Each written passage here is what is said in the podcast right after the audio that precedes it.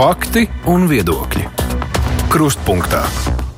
Studijā Mārija Ansone. Klimata un enerģētikas ministrija ir jauna iestāde, tā izveidot Krišāņa Kariņa otrajā valdībā un pārņēma enerģētikas politikas funkcijas no ekonomikas ministrijas un klimata politika no varam. Jaunā ministrija darbojas aptuveni četrus mēnešus, un beidzot mūsu studijā ir arī klimata un enerģētikas ministrs Rēmons Čudars. Labdien! Labdien! Man palīdzēs kolēģi žurnālisti Kristīna Stepiņa no Latvijas avīzes. Labdien! Labdien! Jānis Goldbergs no žurnāla dienas biznesa. Labdien! Labdien. Klausītāji, jūs varat sūtīt savus jautājumus. Daži jau ir atsūtīti, bet es tomēr sākšu ar kādu ziņu no vakardienas. Sadals tīkls augstsprieguma tīkls paziņoja par to, kāds kar, tarifu kāpums varētu būt, tie attiecīgi 32 un 36%. Tas, protams, ir daudz mazāk nekā sākumā tika gribēts eh, ziemā, kad parādījās šie pirmie aprēķini. Eh, un tomēr tas nav maz. Tas ir labākais, ko varēja panākt. Eh. Ņemot vērā to ceļu, ko mēs esam gājuši attiecībā uz tarifu politiku, var apgalvot, ka jā, tas ir labākais, kas bija šobrīd iespējams panākt, ņemot vērā, protams, tos pieaugumus gan ražošanas, gan arī pārvades un sadalē, kas saistīti ar objektīviem izmaksu kāpumiem. Eh, valdība ir veikusi virkni pasākumu, lai šos tarifus iegrožotu. Eh, tie devuši to rezultātu, ko jūs minējāt. Protams, diemžēl tie nav bijuši iespējami tādā veidā, ka tarifs paliek nemainīgs. Kā sākotnēji bija arī lielākais satraukums no to cilvēku puses, kuri čakli uzstādīja saules paneļus, zinot eh, energo krīzi un ka viņiem tā pārvade varētu būt ārkārtīgi dārga. Tagad uh, cilvēki, kur paši rūpējās par elektrības ražošanu, nu, teiksim, kā šis jaunais tarifs attiecas uz viņiem, vai tas ir draudzīgs uh, pašiem domāt par šiem jautājumiem vai nē? Mazliet, mazliet jāprecizē, ka tarifs attiecas kā uz maisaimniecībām, kuras tikai patērē elektroenerģiju, tā uz maisaimniecībām, kuras gan to patērē, gan arī, piemēram, ražo saules paneļus uzstādot uz jumta. Tajā ziņā tarifs neietekmē šo situāciju.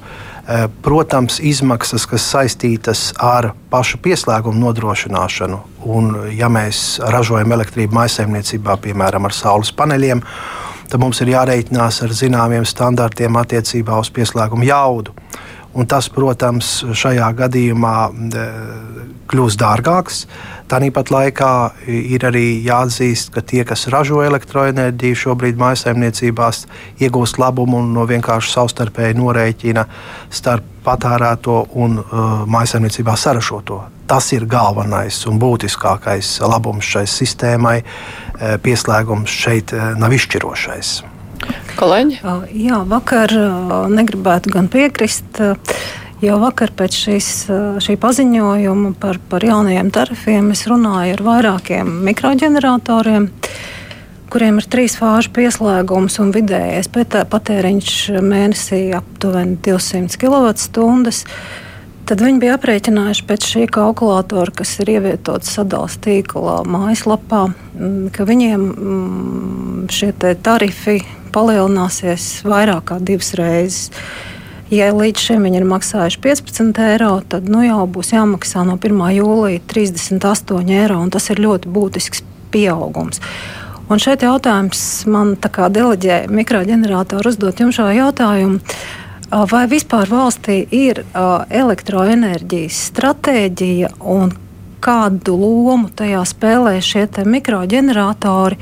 ja reiz nu, šis, šo, šo visvairāk tieši izjutīs viņi.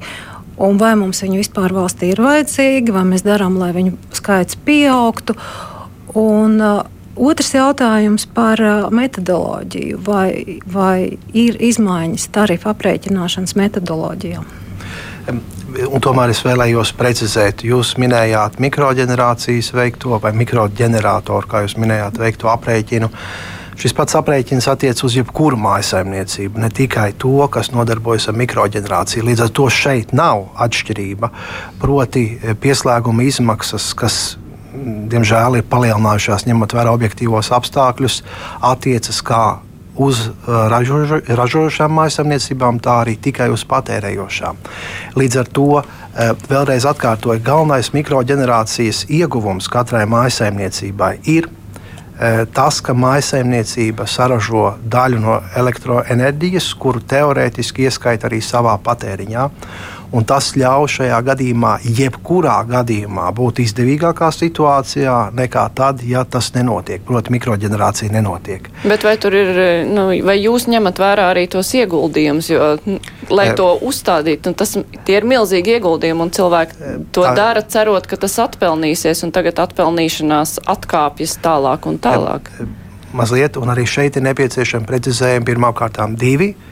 Pirmais mēs runājam, protams, par uh, lielāko daļu uh, mikroģenerācijas ir uzstādītas, piemērojot arī, tā skaitā arī mūsu ministrijas administrētās atbalsta programmas, kas saistīts ar mikroģenerāciju, kas pēc būtības tur tiek, um, tur tiek ieguldīti siltumnīca efekta gāzu emisijas tirsniecības instrumenta līdzekļi tieši, lai veicinātu šo mikroģenerāciju.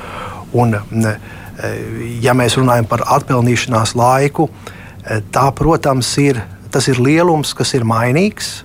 Un galvenais faktors, kas ietekmē atpelnīšanās laiku vienai vai otrai maisaimniecībai, ja mēs tā varam lietot šo vārdu, ir saistīts ar elektroenerģijas cenu. Un, uh, mēs zinām, ka pagājušā gadā elektroenerģijas cenas lēcieni bija tik uh, drastiski, ka šī atpelnīšanās uh, kļuva ļoti īsa. Protams, pie situācijas, ka elektroenerģijas cena krīt vai stabilizējas, atpelnīšanas termiņi ja mēs varam lietot šo vārdu atpelnīšana uz mājsaimniecību, kļūst nosacīti garāki. Tā ir eh, realitāte, eh, ar to saskaras jebkurš tirgū. Kolēģi vaicāja arī par metodoloģiju. Eh, metodoloģija, jūs šajā gadījumā domājat par tarifu aprēķina metodoloģiju. Tarifu aprēķina metodoloģija nav tikusi mainīta. Ja mēs skatāmies uz to situāciju, kas saistīta ar iepriekšējā gadā iesniegto vai izsludināto tarifu un tām darbībām, kas bija veiktas līdz šim, lai tarifa pieaugumu būtiski samazinātu. Tad eh, tas nav saistīts tieši ar metodoloģijas maiņu, tas ir saistīts ar virkni valdības pieņemto lēmumu, kuru ļāva abām divām valsts kapitāla sabiedrībām veikt darbības, kas saistītas piemēram ar iepriekšējo gadu zaudējumu norakstīšanu, es atļaušos teikt vienkāršāko vārdu, kaut gan tas ir sarežģītāks, un arī virkni citu uh, darbību, lai grāmatveziski šis tarifs tiešām um, neizaugtu tik drastiski, kā tas sākotnēji bija paredzēts.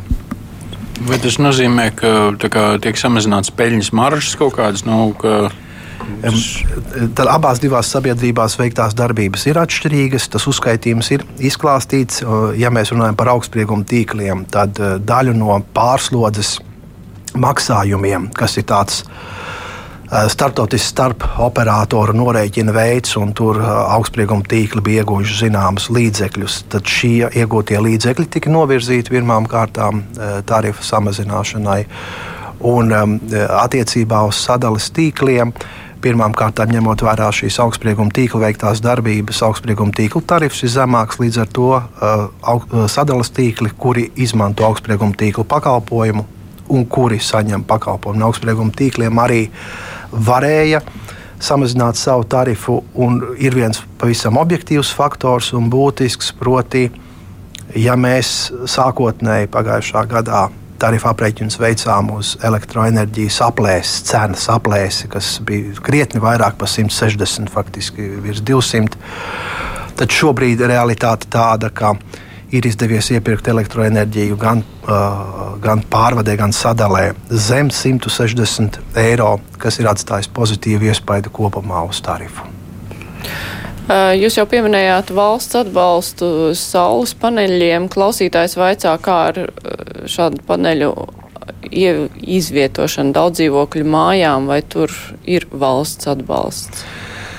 Tātad mēs šobrīd, šobrīd attiecībā uz daudz dzīvokļu mājām tas primāri ir saistīts ar būvniecības normu ievērošanu.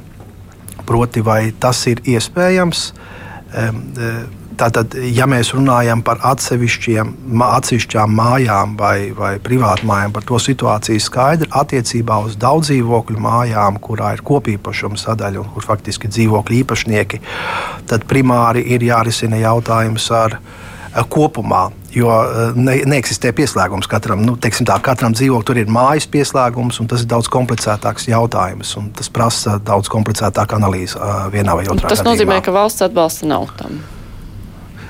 Es nevaru to apgalvot. Tiešām ir jāizskata katrs konkrēts pieteikums par tādu iespējamību. À, pieteikties var, bet nezinu, jā. vai dabūs. Tie, jā, tiešām. Jā.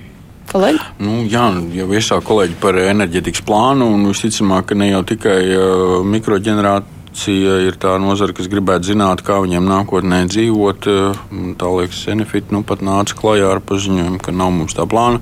Un jūs arī janvārī dienas biznesam intervijā solījāt, ka nu pat jau būs. Nu, tad kā tad ir ar to enerģētikas plānu vai stratēģiju jauno un kad viņu uzņēmēju sagaidīt? Šobrīd mēs runājam par virkni jau šobrīd spēkā esošiem valsts plānošanas dokumentiem, kuri apstiprināti gan ministru kabinetā, gan atsevišķi no tiem saimā, tā skaitā Nacionālais enerģētikas un klimata plāns, kas apstiprinās 20. gadā.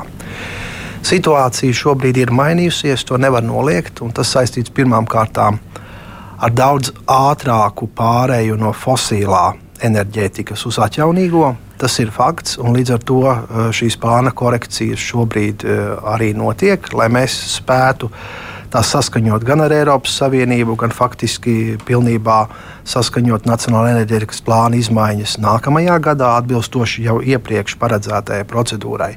Bet es gribēju mazliet um, atbildēt varbūt tā plašāk uz jūsu jautājumu par plānu. Šobrīd mums nav jādebatē par to, ka ir nepieciešama daudz lielāka enerģētiskā drošība, daudz lielāka enerģētiskā neatkarība un daudz lielāka e, enerģijas, īpaši elektroenerģijas ražošana un, un jaudu palielināšana, īpaši attiecībā uz atjaunīgajiem energoresursiem. Par to absolūti mums nav debate. Tā ir pilnīgi skaidri noteikta jau iepriekš, un faktiski šobrīd ir tikai vēl vairāk um, uzsverama. Jautājums, kas ir ļoti svarīgs, ir saistīts ar e, to, kādā veidā šis tirgus, kurā lielu lomu spēlēs turpmāk atjaunīgie elektro, elektroenerģijas ražošanas resursi, mēs runājam par saules un vējas ģenerāciju. Kā šis tirgus funkcionēs un ko tieši uzņēmēji e, sagaida e, no, no valsts šajā gadījumā. Un šeit, protams, runa ir par visam detalizētiem noteikumiem. Pirmkārt, tie ir noteikumi par pieslēgumu izmantošanu, iespēju iegūt pieslēgumus, tādā veidā rezervējot zināmas jaudas tīklā, lai šo atjaunīgo energoresursu ražošanas daļu šajā tīklā nodotu. Tas ir jautājums par, e, par starpsavienojumiem starp eh, Baltijas, un šeit es negribētu minēt eh, Latviju atsevišķi, kopumā Baltiju un Skandināviju un Centrālo Eiropu, jo ir maza ilustrācija vienkārši, lai mēs saprastu, kas šobrīd notiek šajā nozarē. Latvija jaudas pieprasījums pašā tumšākajā ziemas dienā, kad elektroenerģijas patēriņš ir vislielākais, ir aptuveni 1,2 gigawati. Šobrīd ir izsniegti tehniskie noteikumi jaudai. Ja, tātad vējam un saulē atjaunīgiem energoresursiem. Es nerunāju par jūru, es runāju tikai par sauszemi, par, par 3,5 gigavatiem. Mēs šobrīd, ja, ja tiks realizēta šī programma un uzņēmēji pie tā strādā, mums ir vairāk kā 20 IVN procedūras tieši iekšzemes, eh, iekšzemē, kuras šobrīd noris un kur jau daļa no tām ir projektēšanas, pabeigšanas vai pat būvniecības uzsākšanas stadijā. Tad eh, mēs saskaramies jau šobrīd ar būtisku elektroenerģijas pārpalikumu. Tas, protams, ir izaicinājums šo sistēmu balansēt un nodrošināt uh, šī apjoma transportēšanu. Jo mēs nevaram cerēt uz tik lielu patēriņu reģionā. Patēriņš pieaugs, tā ir taisnība, bet tas nebūs tik drastisks. Un, ja mēs skatāmies uz offshore, man bija iespēja runāt ar nozares profesionāļiem eh, Baltijas vai Baltijas vēja enerģētikas konferencē, tad šeit eh, mēs runājam par eh, ļoti labiem mūsu reģionā eksistējošiem apstākļiem, kas saistīti ar stabilu vēju, vidēji 9, 9 metru sekundē, kurš dod iespēju tiešām vēja ģenerācijai attīstīties ļoti strauji, un kopējais potenciāls tiek lēsts turpat uz 15 gigavatiem. Es atkal atkārtoju, 1,2 ir Latvijas patēriņa, man pieprasītā jauda.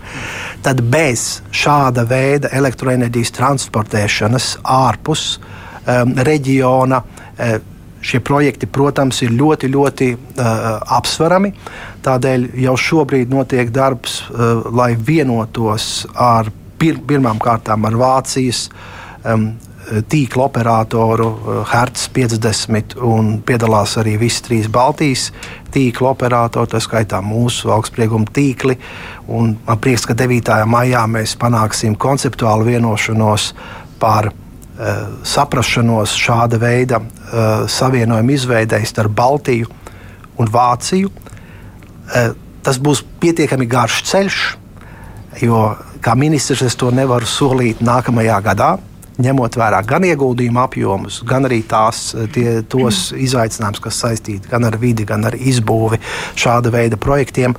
Un tomēr tas ir vienīgais ceļš, lai mēs šo potenciālu kas mums ir uh, tieši elektroenerģijas ražošana, šos dabiskos uh, apstākļus un priekšrocības izmantot. Bet tajos aprēķinos, ko jūs minējāt, cik nepieciešams Latvijai uz vietas, tur ir ņemts vērā, ka mēs nu, esam plānojuši atteikties pēc iespējas no dabasgāzes izmantošanas. Tas ir ļoti labs jautājums, un jautājums drīzāk ir kopumā par dabasgāzes vietu turpmāk mūsu enerģētiskajā sistēmā. Un šeit mēs runājam par divām daļām. Pirmā daļa ir saistīta ar ražošanas jaudām vai to, ko sauc par balansējošām vai pamatjaudām. Un tas mūsu gadījumā, Latvijas gadījumā, ir valsts energokompānijas Latvijas energo eh, tātad, eh, uzturētās eh, gāzes koģenerācijas jaudas, TEDS 2. Un, um, tas būtībā ir ļoti būtiska energosistēmas sastāvdaļa, ņemot vērā nepieciešamību balansēt tieši vēja vai, vai atjaunīgo energoresursu ražojošās jaudas, jo, kā mēs ļoti labi zinām, tās nav pastāvīgas, tās ir ļoti mainīgas un ir nepieciešams nodrošināt, uh, nodrošināt ražošanas um, stabilu līmeni, un tieši tam ir paredzēts šīs jaudas. Mēs runājam aptuveni par 5 teravatiem gadā, kas šobrīd tiek izmantot šo jaudu uzturēšanai un elektroenerģijas ražošanai, un mēs šobrīd nevaram apgalvot, ka e, šo jaudu e, nomaiņa tuvākos piecos, desmit gados ir reāla. Tas nozīmē, ka mēs turpinām izmantot uh, to resursu, kas mums ir. Tomēr es gribu atgādināt, ka tas ir ļoti vērtīgs resurss. Salīdzinot ar, ar mūsu kaimiņiem Baltijā, gan, gan Lietuvā, gan Igaunijā, mē, mums ir lielas priekšrocības, jo Lietuva patērē par 70% vairāk elektroenerģiju nekā tās saražo. Uh, Igaunijā savukārt ir līdzīgi ražošanas un patēriņa skaitļi kā mums, bet Igaunijas gadījumā ir stāv priekšā ļoti smaga atteikšanās no eh, degslānekļa ražošanas jaudām, kas pēc būtības ir vidi degradējošas un pēc būtības tā nevar būt ilgspējīga. Līdz ar to mums šīs jaudas ir un tās tiks izmantotas. Tā ir tā pirmā daļa, kas attiecas uz uh, dabas gāzes, vai šajā gadījumā jau ņemot vērā pilnīgu atteikšanos no Krievijas gāzes, mēs runājam par sašķirinātās um, gāzes izmantošanu. Tā otrā daļa, par ko jūs uh, jautājāt, pilnīgi pamatot ir saistīta ar maisaimniecībām. Un maisaimniecības mums ir uh, apmēram 370 tūkstoši klientu, kuras izmanto gāzi lielākā daļa, 300 tūkstoši gāzi, izmanto ēdienu gatavošanai vēsturiski uzturēta sistēma, kura, kura eksistē, kura funkcionē. Šobrīd gāzes izmaksas vienam dzīvoklim ir aptuveni 10 nu jā, bet, nu, tas eiro. ir arī tas vieglāk jā. aizvietojamais, bet tas lielākais apjoms, protams, iet tur, kur tas ir apkurē izmantojams. Tad... Jums ir taisnība, un šī sezona arī parādīja, ka, ja mēs runājam par ietekmi uz maciņu, ietekmi uz, uz labklājību, tad šī daļa, šie 70 tūkstoši maisaimniecību, kas izmanto gāzi apkurei, ir, bija arī visievainojamāk kā mēs eh, redzējām, kas notiek ar rēķiniem. Bet, nu jā, bet tas bet mans es, jautājums es, es, bija es saprotu, par jau samazinājumu plānoto. Es, jā, vai ir tādi plāni, cik mēs paldies. samazinām gāzi un kā jā, mēs pārējām uz es, es, elektrību? Es, tas ir ļoti pareizs jautājums.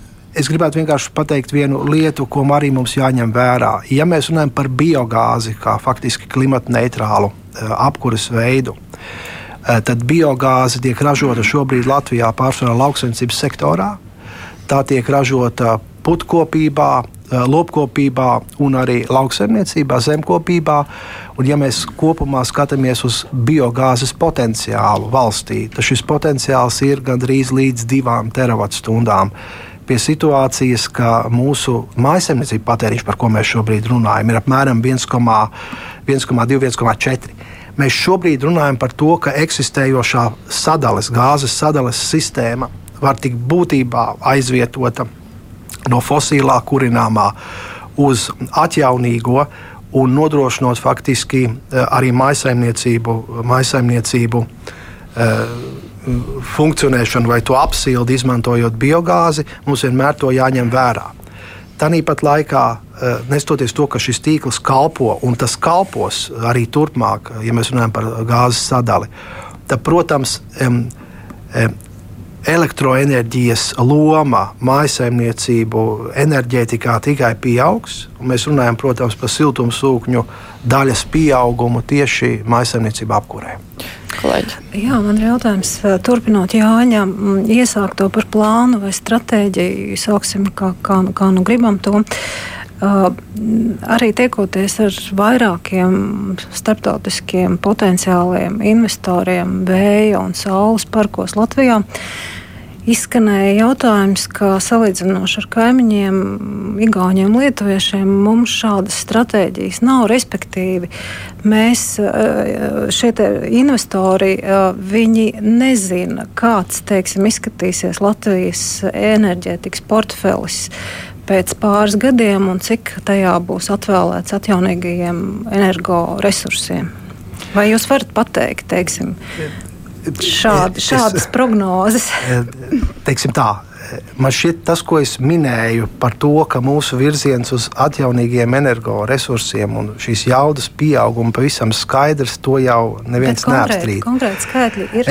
Es, es ļoti labi zinu, man ir bijušas pietiekami atklātas diskusijas. Šobrīd runa nav par vai, šobrīd ir jautājums kā. Un jautājums, kā parasti ir saistīts ar, piemēram, konkrētiem valsts īpašumā vai valsts kontrolē esošiem resursiem, kuri var tikt nodoti privātiem investoriem, lai viņi spētu investēt un šīs jaudas audzēt. Tas ir izšķirošais šobrīd. Šis ir galvenais jautājums. Un to, ko jūs minējāt, ir jautājums par uh, offshore vai, vai jūras vējas parku izbūvi, kuros um, ir, kā jau minēju, šīs jaudas ir daudz lielākas nekā uh, nepieciešams vietējam tirgum, un kuru galvenais uzdevums ir nodrošināt elektroenerģijas eksportu, tā skaitā uz Vāciju. Un šeit ir pavisam konkrēti projekti, kas šobrīd jau ir uz galda. Tas ir Elvina projekts, kur Latvija kopā ar Igauniju. E, Apmē, kopumā tie ir 1000 megawati, 500 Latvijas pusē, 500 Igaunijas pusē, kuri kur šobrīd notiek darbs, lai tieši nodefinētu tos noteikumus, kas interesē ārvalstu investorus, lai viņi varētu piedalīties šo tiesību iegūšanā, šo projektu sākt izstrādāt. Mēs šobrīd runājam par visam konkrētām lietām.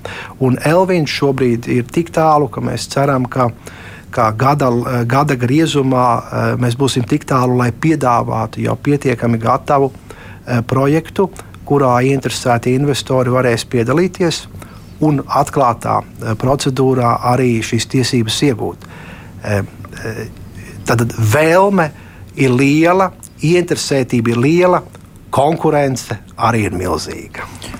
Nu, es gribētu kā varbūt pievest piemēru, parādīt piemēru, kur nu, tāds plāns tā bija vajadzīgs. Situācija mainījās. Ja tas plāns būtu bijis sākumā un būtu bijis skaidrība, noteikti šobrīd LNG termināls būtu varbūt jau uzcelts.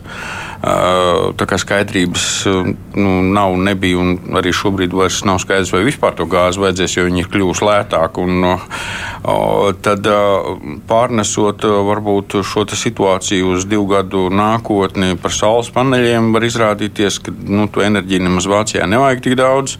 Un, un tie tās kaut kādas garantijas vai prasību apjoms, nu, cik tad mēs gribam ražot, tāpēc jau prasu to skaidrību. Gribu zināt, nu, kaut kādu gala rezultātu, jeb ciparu. Nu. Jūsu minētais piemērs, e, varbūt es iebildīšu par šo piemēru vairāku iemeslu dēļ.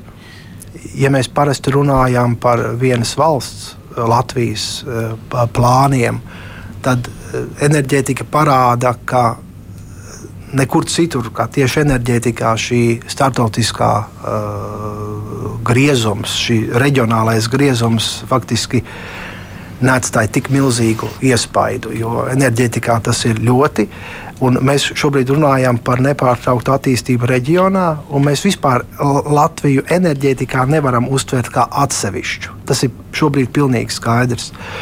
Un, ja mēs runājam par jūsu pieminēto piemēru, tad šeit mēs esam sastapušies ar ļoti krasām izmaiņām piegāžu ceļos vai to diversifikācijā, kuras ir notikušas ļoti strauji un kuras šobrīd nodrošina ļoti būtisku apjomu, lai Baltijas reģions un Somija justos pietiekami droši attiecībā uz LNG vai sašķinātās dabasgāzes piegādēm. Mm.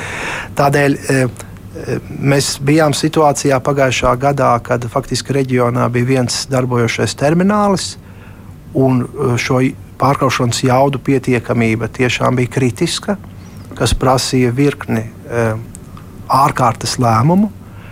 Tad savukārt šobrīd mēs atrodamies pavisam savādākā situācijā, kas, protams, ļauj mums izdarīt tos secinājumus, kas šajā brīdī ir pilnīgi atbilstoši. Nu, tieši to jau arī prasa uzņēmēji. Viņi grib tagad, uzsākot būvniecību, orientējot investīcijas, zināt kaut kāds apjoms, nu, uz ko valsts iet, ka ir kaut kāda aprēķina, ka ir, nu, to vajadzēs. Ja jūs sakat, ka enerģija ies eksportā, nu, mēs būvēsim vairāk nekā 1000 megawatu saules paneļu, nu, tur mm, būvēsim vēl.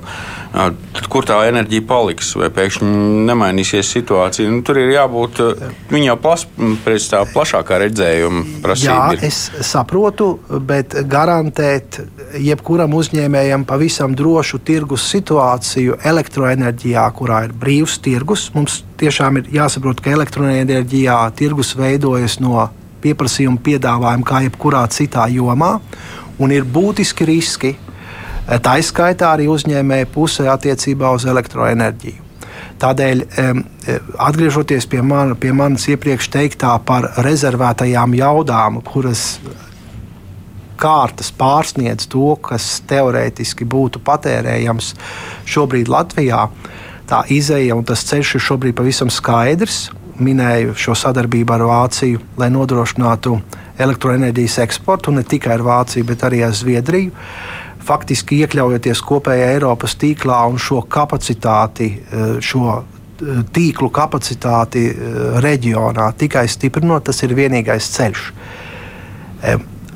Tās ir būtiskas, milzīgas investīcijas, kuras, protams, mūsu operatoriem ir jāveic, tā skaitā piesaistot Eiropas Savienības finansējumu. Eh, bet eh, tā ir tāda nepārtraukta attīstība šajā jomā. Un klausītājs arī grib zināt, kad tiks nodots eksploatācijā šobrīd iesāktās saules elektrostacijas, un vai saulainās dienās būs problēma ar tīkla stabilitāti un kā to risinās? Jā. Eh, tas ir ļoti labs jautājums. Tad katrs no šiem projektiem attīstās dažādos ātrumos. Katrs no šiem projektiem ir uzsākts dažādā laikā. Un, e, e, protams, kas pirmais brauc, tas pirmais maļ. Tas ir pats e, pavisam vienkāršs princips, kas arī šajā gadījumā tiek, tiek piemērots. Un šobrīd tīkla operatori vai sadalas operatori ir snieguši atļaujas pieslēgties tīkliem atbilstoši tīklu fiziskai vai fizikālai kapacitātei nav izdotas atļaujas, kuras nav bijušas balstītas tīkla kapacitātē. Tā ir labā ziņa. Proti, e, tie, kuriem tehniskie noteikumi ir, tie var realizēt. E, problēma ir varbūt ar ļoti lielu apjomu, kuri vēlētos, bet nevar tikt pieslēgti tīkliem, vai precīzāk tā, nevienmēr var nodot arī atsevišķos gadījumos tīklā elektrību, jo šīs jaudas ir aizņemtas šīs jaudas ir aizņemtas. Un, um, vienkārši mēs esam saskārušies ar pavisam uh, triviālām situācijām. Alūksnes centrā mums ir uh, um, kokrūpniecības uzņēmums, kurš strādā un ir uzstādījis apkārt šim uzņēmumam pilni lauki ar paneļiem, kas primāri ir domāti pašražošanai, proti pašpatēriņam, lai nodrošinātu ražošanas procesu. Tāpat laikā ir pārpalikumi elektroenerģijai, kas veidojas pusdienlaikā, kad nestrādā, un sestdienās, svētdienās, kad nestrādā šī rūpnīca. Un, uh, ir problēmas ar šo apjomu nodošanu tīklos tikai tādēļ, ka uh, vietējai um, apakšstācijai ir jauda, kura ir bijusi iepriekš rezervēta saules paneļu parkam citam. Un kurš vēl aizvien nav realizēts. Šīs ir šobrīd sarežģītākās situācijas, kurā ir nepieciešama jauns regulējums. Jo e, ir svarīgi, ka projekti nevis tiek vienkārši pieteikti un rezervētas jaudas un netiek realizēti. Ir svarīgi, lai pieteiktie projekti ļaujot arī plānot gan tīklu kapacitāti, gan arī regulējumu, tiek realizēti un e, nosakot noteiktus termiņus šādu projektu realizācijai.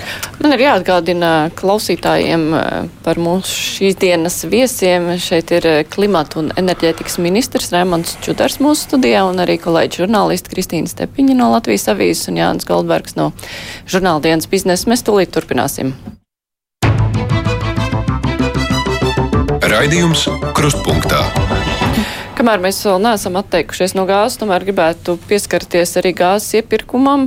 Par pagājušā gada iepirkumi tur jau šoziem izskanēja dažādi pārmetumi par to, ka esam gal galā iepirkuši ļoti dārgi, par ko cilvēki samaksāja. Beigās arī valsts atbalsts iespējams bija lielāks nekā būtu varējis būt. Šogad ir atvērts gāzes tirgus no 1. māja. Kā vispār tas tagad notiek? Ja pagājušajā gadā lielākais iepirkējs Latvijas gāze, Latvenergo. Tagad uh, tirgus atvērts, uzņēmumi viss var piedalīties, uh, tad kā tas tīri praktiski notiks? Un pie reizes vēl šīs dienas ziņa par Eiropas komisiju, kas ir šim te kopīgajam gāzes iepirkumam izsludinājusi to pieteikšanos, Jā. un tur ir 72 laikam uzņēmumi, tur Latvijas uzņēmumi arī ir. Ir, Latvijas energo tur ir. Latvijas energo. Bet, nu, kopumā, kā tas notiek un kā tiek skatīts, nu, lai tā gāze, tiek, kas šobrīd ir lēta, tiek iepirkta par tām lētākajām cenām, nevis par dārgākajām? Jūs pareizi minējāt, ka uh, ir vairāki uh, tirgotāji, kur piedāvā gāzes piegādes kā maisaimniecībām, tā arī uzņēmumiem. Uh, Un mums visiem spēkiem jāveicina šis uzņēmējdarbības veids, lai konkurence starp šiem uzņēmumiem būtu pietiekami plaša. Tas, protams, atstātu iespaidu arī uz piedāvāto cenu. Mēs runājam šobrīd par maisaimniecībām, kurām eh, tagad faktiski jau, jau līdz 15. varēja izšķirties, eh, kuru no piedāvājumiem maisaimniecība izvēlas tieši gāzes piegādēji. Tāda iespēja pastāvēs arī pēc 1. maija. Un, protams, tur ir uh, trīs uzņēmumi, stabili uzņēmumi, kuri piedāvājums ir izteikuši, ir dažādi tarifu plāni. Un šeit, protams, uh, Ja jūs man jautājat, ko izvēlēties, kā man parasti paziņas saka, tad es eh, nevarēšu šeit iejaukties. Jā, tur ir jāsaka. Mēs gribam jā, saprast, kā jā. notiks tad tie gāzes iepirkumi šai, šī te brīvā tirgus apstākļos. Tie iepirkumi notiek eh, kā līdz šim. Tas nozīmē, ka uzņēmumi, kur piedalās gāzes tirgu, eh, veids darbības starptautiskajos tirgos, lai iepirktu gāzi, sašķidrināto gāzi. Tas notiek, kā mēs minējām, dažādiem ceļiem. Un cik, tādu, un cik tādu mums ir uzņēmumu, kas tagad iepirks gāzi pa dažādiem ceļiem? Un... Mums šobrīd ir trīs ļoti lieli, stabili, solidi uzņēmumi, kas piedāvā maisaimniecībām savus pakalpojumus. Ja mēs runājam par juridiskām personām, arī par centralizēto siltumapgādi, kur vēl aizvien pīķa stundas tiek nodrošinātas ar gāzes apkuri, tad te ir runa par septiņiem līdz deviņiem tirgotājiem, kuri arī iepriekš ir bijuši aktīvi tirgū un kuri ir piedāvājuši šīs gāzes piegādes. Līdz ar to tirgus ir dzīvs, un tas ir ļoti, ļoti svarīgi šajos apstākļos, jo tieši konkurencē mēs uh, varam rast tos labākos uh, noteikumus. Tādēļ uh, ceļu diversifikācija gāzes piegādē reģionā ir atvērti. Un, tik tiešām mēs esam situācijā, ka dabas gāze ir sasniegusi 38, eh, šodien pēdējās ziņas eh, Nīderlandes biržā 38 eiro par megawatu stundu. Un eh, tas, tas, protams, salīdzinot ar pagājušā gada cenas lēcieniem, ir ļoti zems līmenis. Un, mēs varam būt optimisti, tāpat laikā šī piesardzība attiecībā uz ģeopolitisko situāciju, iespējamo izmaiņu un tādu drastisku ietekmi uz enerģētikas cenām kopumā Eiropā vēl aizvien ir saglabājama. Kāds šobrīd ir status skūtas LNG termināla projektam? Vai investori ir nākuši ar kādiem jauniem priekšlikumiem, kuri neprasa valsts atbalstu, valsts garantijas?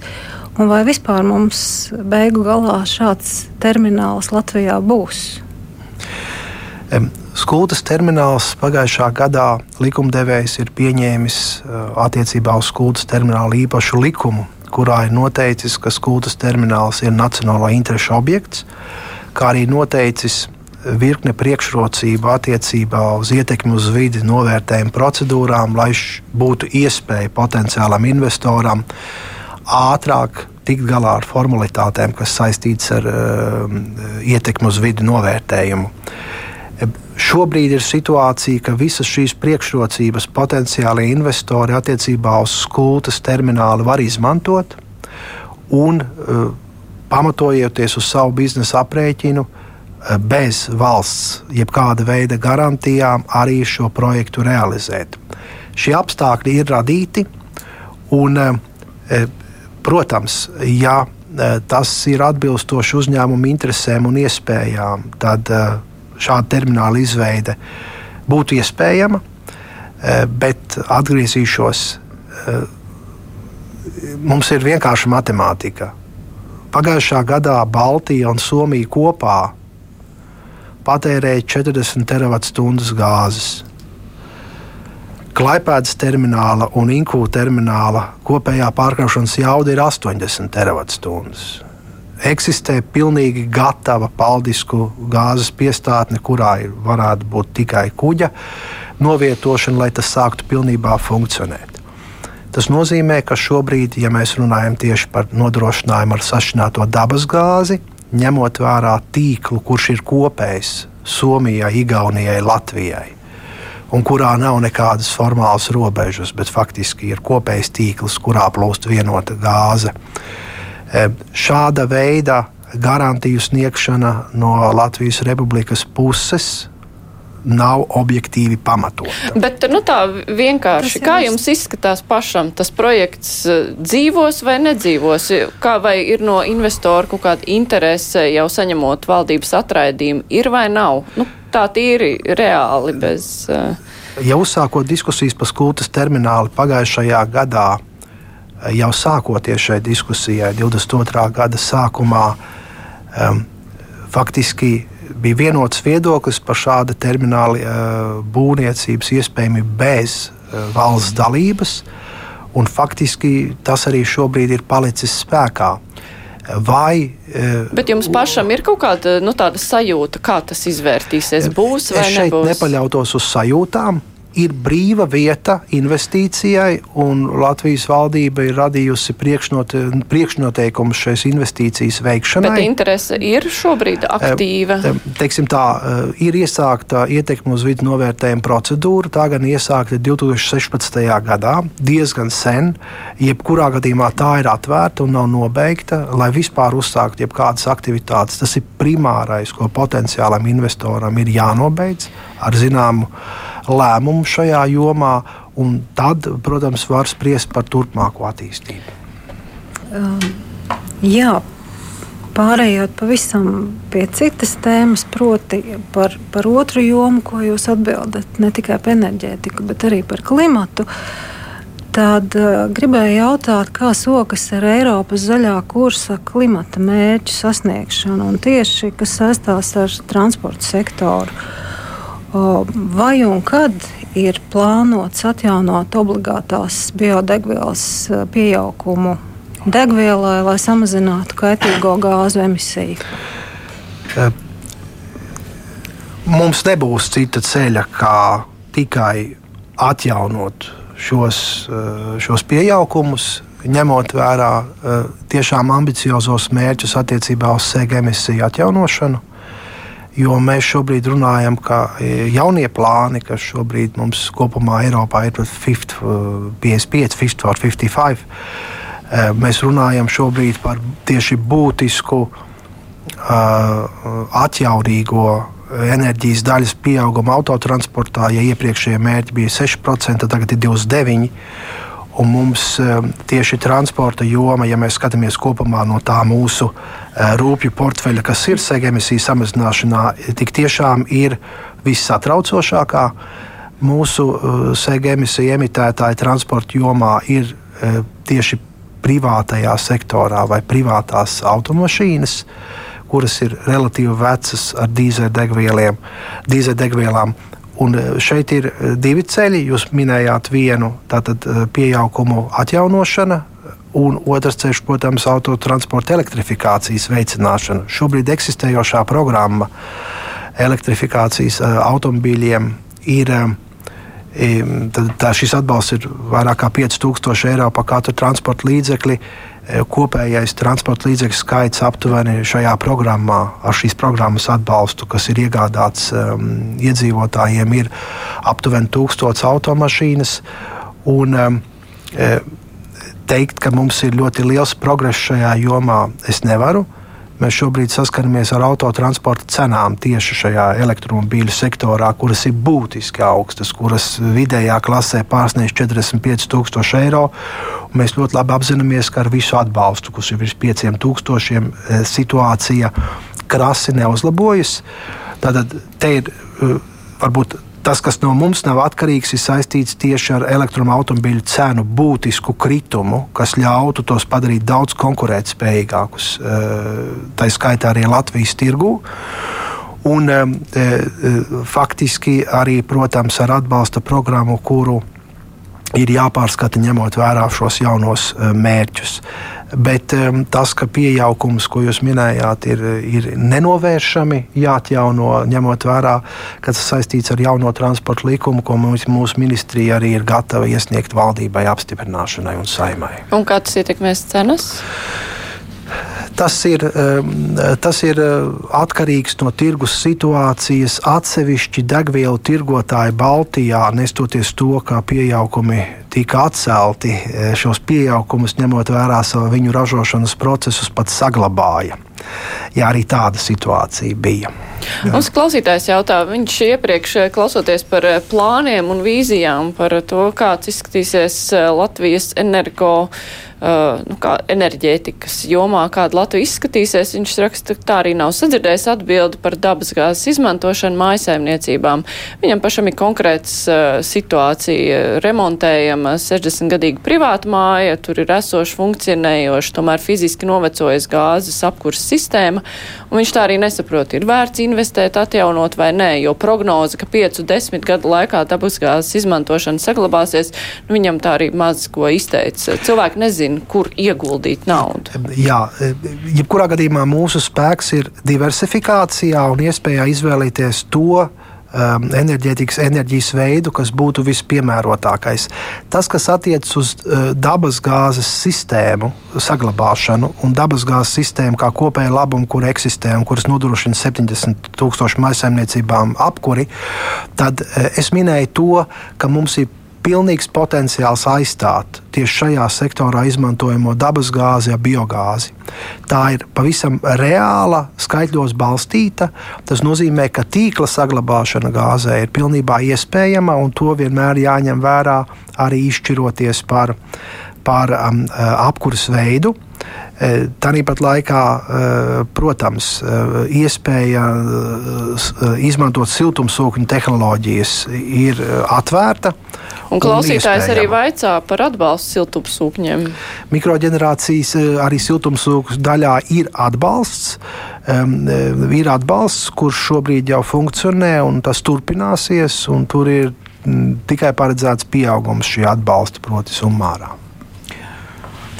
Jā, es varbūt par tām elektromašīnām, proti par to subsidēšanas, to visu avotu, jo cik es saprotu, tas nāk no siltumnīcas gāzes emisiju kvotu tirzniecības, un mēs viņus varam tirgot, jo mums samazinās ražošana, kas dod nodokļus.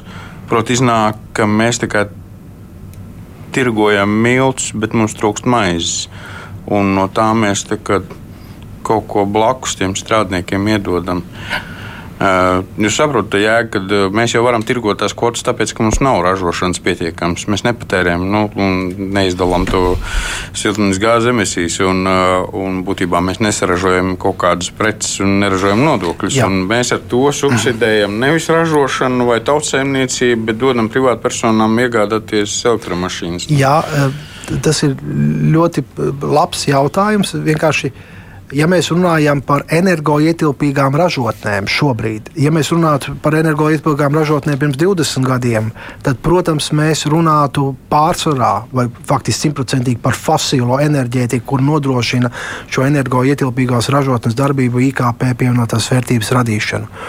Tas šobrīd ir Un tas ir uh, pavisam skaidrs uh, plāns. Uh, ja mēs runājam par elektroenerģiju kā pa pamatveidu, kurš tiek iegūts no atjaunīgiem energoresursiem un kalpo par pamatu, tā skaitā energoietilpīgai rūpniecībai, par ko jūs runājat, tad tā ir nākotne un tas ir stāsts. Un tur vairs kvotu, protams, nav, kā jūs saprotat.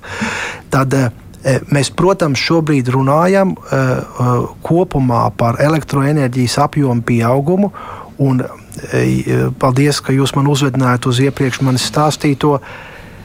Ja mēs runājam arī par šīm jaudām, kuras šobrīd eh, tiek eh, rezervētas, lai ražotu atjaunīgo energo, enerģiju daudz lielākā apjomā nekā ir patēriņš, tad, protams, mums ir divas ļoti būtiskas lietas, kuras ir jāņem vērā un kuras ir atkarīgas no tehnoloģija attīstības. Tā ir akumulācija, integrācija kopējā tīklā un savietošanu, piemēram, sistēmu ar centralizēto siltumapgādi. Un, protams, mums ir ūdeņraža tehnoloģija daļa, kura ūdeņradiskā pārnese. Ja? Tātad mēs, mēs runājam par to, ka šo lieko elektroenerģiju, kura rodas no atjaunīgiem energoresursiem un kura nav prognozējama ņemot vērā tos apstākļus, vai nu saule pūš, vai nu saule spīd, vai vējš pūš, vai tieši otrādi, ka šo pārpalikumu eh, mums ir jāspēj akumulēt. Un jāspēj, protams, pārvērst eh, tieši ūdeņraža, ūdeņraža komponentē, kur tālāk var tikt izmantota. Tā izskaitā energoietilpīgu ražošanas, ražošanas procesos. Tas ir tas nākotnes stāsts, kurš šobrīd ir uz galda un kur notiek ļoti aktīvs darbs pie jau pavisam praktiskiem, praktiskiem projektiem un realizācijām. Mums 5 minūtes tikai palikušas. Es eh, gribēju pavaicāt, eh, uzņēmēji sūdzas par eh, cefla darbību, par to, ka netiek apstiprināti projekti, lai varētu izmantot Eiropas struktūra fonda atvesļošanās mehānismu naudu. Kā tas ietekmē tās jomas, kas ir jūsu ministrijas pāraudzībā, jo klimata mērķu sasniegšana ir viena no būtiskajām sadaļām. Tur ir viss apstājies, jo tas arī attiecās, nu, teiksim, tā ir reāla nauda, kur varētu tur ieguldīt, bet kas netiek ieguldīt. Varbūt ja mēs runājam par, par mūsu atbildības jomu, tas primāri saistās ar siltumnīcas efektu gāzu eh, kvotu tirzniecības instrumentu piemērošanu. Mēs jau pieskārāmies šīm mikroģenerācijas eh, atbalsta daļām. Un tas uh, turpmāk tiks īpaši saistīts ar, at, ar, ar atjaunošanas fondu, vai tā saucamo arī power naudu, kas primāri mūsu nozarē tiks novirzīti tīklu kapacitātes uzlabošanā, mūsu gatavībā uh, gan atjaunīgo energoresursu um, daļas pieaugumā, gan arī faktiski sinhronizācijā centrālo, centrālo Eiropu, kas ir mūsu būtisks uzdevums. Mēs šobrīd um, šajās sadaļās savus darbības plānu pilnībā apzināmies. Mēs nevaram šobrīd um, runāt par, uh, par situāciju, ka kāds traucētu, vai, vai, vai kur būtu būtiska problēma, lai mēs, lai mēs šos plānus. Bet tur ir iesniegti projekti, kuri gaida apstiprināšanu. Mūsu gadījumā mēs nevarētu tā teikt. Jau. Ir kāds īsts jautājums, mums vēl kādas minūtītes, trīs. Varbūt ir pavisam īsi. Līdz šim atbalstu saules paneļu iegādēji un arī mm, elektroautomašīnu iegādēji saņēma pārsvarā turīgākie valsts iedzīvotāji. Un, un, um, vai ir paredzēts kāds atbalsta mehānisms arī teiksim, cilvēkiem, kuri nav tik rocīgi, lai varētu uzstādīt paneļus un iegādāties mašīnas elektriskās. Jā, ir bijuši pārmetumi, kas saistīti ar to, ka elektroautobīls ir otrais ģimenes automobīls, nevis pirmais kā pamata automobīls. E, tur zinām, sava taisnība ir. E, jūsu e, jautājums sasaucās ar faktiski Eiropas Savienības kopējo izvirzīto mērķi, lai šī transformācija vai pārējai enerģētikā nenodarītu vai no tā neciestu tiešām mazaisargātie cilvēki, e, cilvēku daļa. Un šeit, protams, ir šobrīd jau šobrīd ir, sāc, tiek, ir noticis darbs, lai ieviestu jaunu instrumentu, kas saucās Eiropas e, klimata sociālais fonds. Kura uzdevums būs, un tas būs tāda kopēja nauda, kas tiks dalīta starp dalību valstīm, lai tieši šo dārdzību, ko izsauc šī straujā pārēja, un mēs zinām, ka uh, jebkura apkuras sistēmas nomaiņa, jūsu minētā, rada um, izdevums mājsaimniecībā, lai viņi to darītu. Un viņi to parasti dara tāpēc, lai, uh, lai um, virzītos uz kopīgu mērķi gan klimata neutralitātei, gan arī energoefektivitātei. Tad tieši šis uh, klimata sociālais fonds, tā uzdevums būs šo pārēju uh, padarīt vieglāku tieši cilvēkiem ar mazākiem ienākumiem. Un, um, šīs straujās pārmaiņas, kas visiem mums ir eh, jau šobrīd notiek un vēl ir priekšā, eh, notiktu pēc iespējams, pēc iespējams vieglāk. Mums eh, klausītājs uzrakstīs, ka gan plašs atbildes sniegt nevarēs. Tas viss skaisti skan, kā mēs celsim vēja parkus, kur jaudas būs daudz lielākas, kā mums vajag, kā mēs to eksportēsim, lēta enerģija, tāpēc vajag taisīt savienojumu ar Vāciju, bet kurš par to maksās, vai tas tiks iekļauts atkal augstsprieguma tīklu vai sadals tīklu tarifā, kuru apmaksās Latvijas lietotāji, tādu īsu atbildi var sniegt? Šī, šī praktiskā pieeja no klausītāja ir pilnīgi vietā, jo visi kapitāla ieguldījumi kaut kā ir jāatmaksā. Vai nu tā ir Eiropas Savienība ar savu fondu programmu, vai tik tiešām uh, tie ir arī patērētāji, kas kopā uztur uh, šo kopīgo labumu, šos sadales un pārvades tīklus. Ja mēs runājam par elektroenerģiju, kura kalpo tieši vietējam patēriņam, tad, protams, mēs runājam par kopējo tīklu, kur arī izmaksas tiek dalītas. Ja mēs runājam par offshore vai jūras vēja parku attīstību, tad, protams, mēs runājam par pavisam citu mērogu, kura galvenais uzdevums ir ražošana un faktiski kā biznesa projekts, kurā tiek ieguldīts finansējums, kas tiek arī pēc tam atgūts atpakaļ. Tad, protams, šīs izmaksas nevar būt uh, saistītas ar uh, iedzīvotāju maksājumiem, ne sadales, ne augstsprieguma tīkliem. Jā, nu, un vairāk laika mums arī nav. Es tikai pieminēšu, ka vēl klausītāji daudz uztraucas par to, kā tad veidosies no šiem te atjaunīgiem resursiem radītie tehnoloģiskie atkritumi, bet, nu, tas jau ir cits stāsts. Mums tiešām vairs nav laika. Es varu tikai pateikt paldies. Raimonds Čudašs, klimata un enerģētikas ministrs, bija kopā ar mums. Kristīna Stepiņa no Latvijas avīzes, paldies, un Jānis Goldbergs no žurnāla dienas biznesa arī bija mūsu studijā. Bet šodien kruspunktā izskan raidījuma producente ir Evi Junām, studijā bija Mārija Ansona. Visu labu, un mēs tiksimies arī rīt.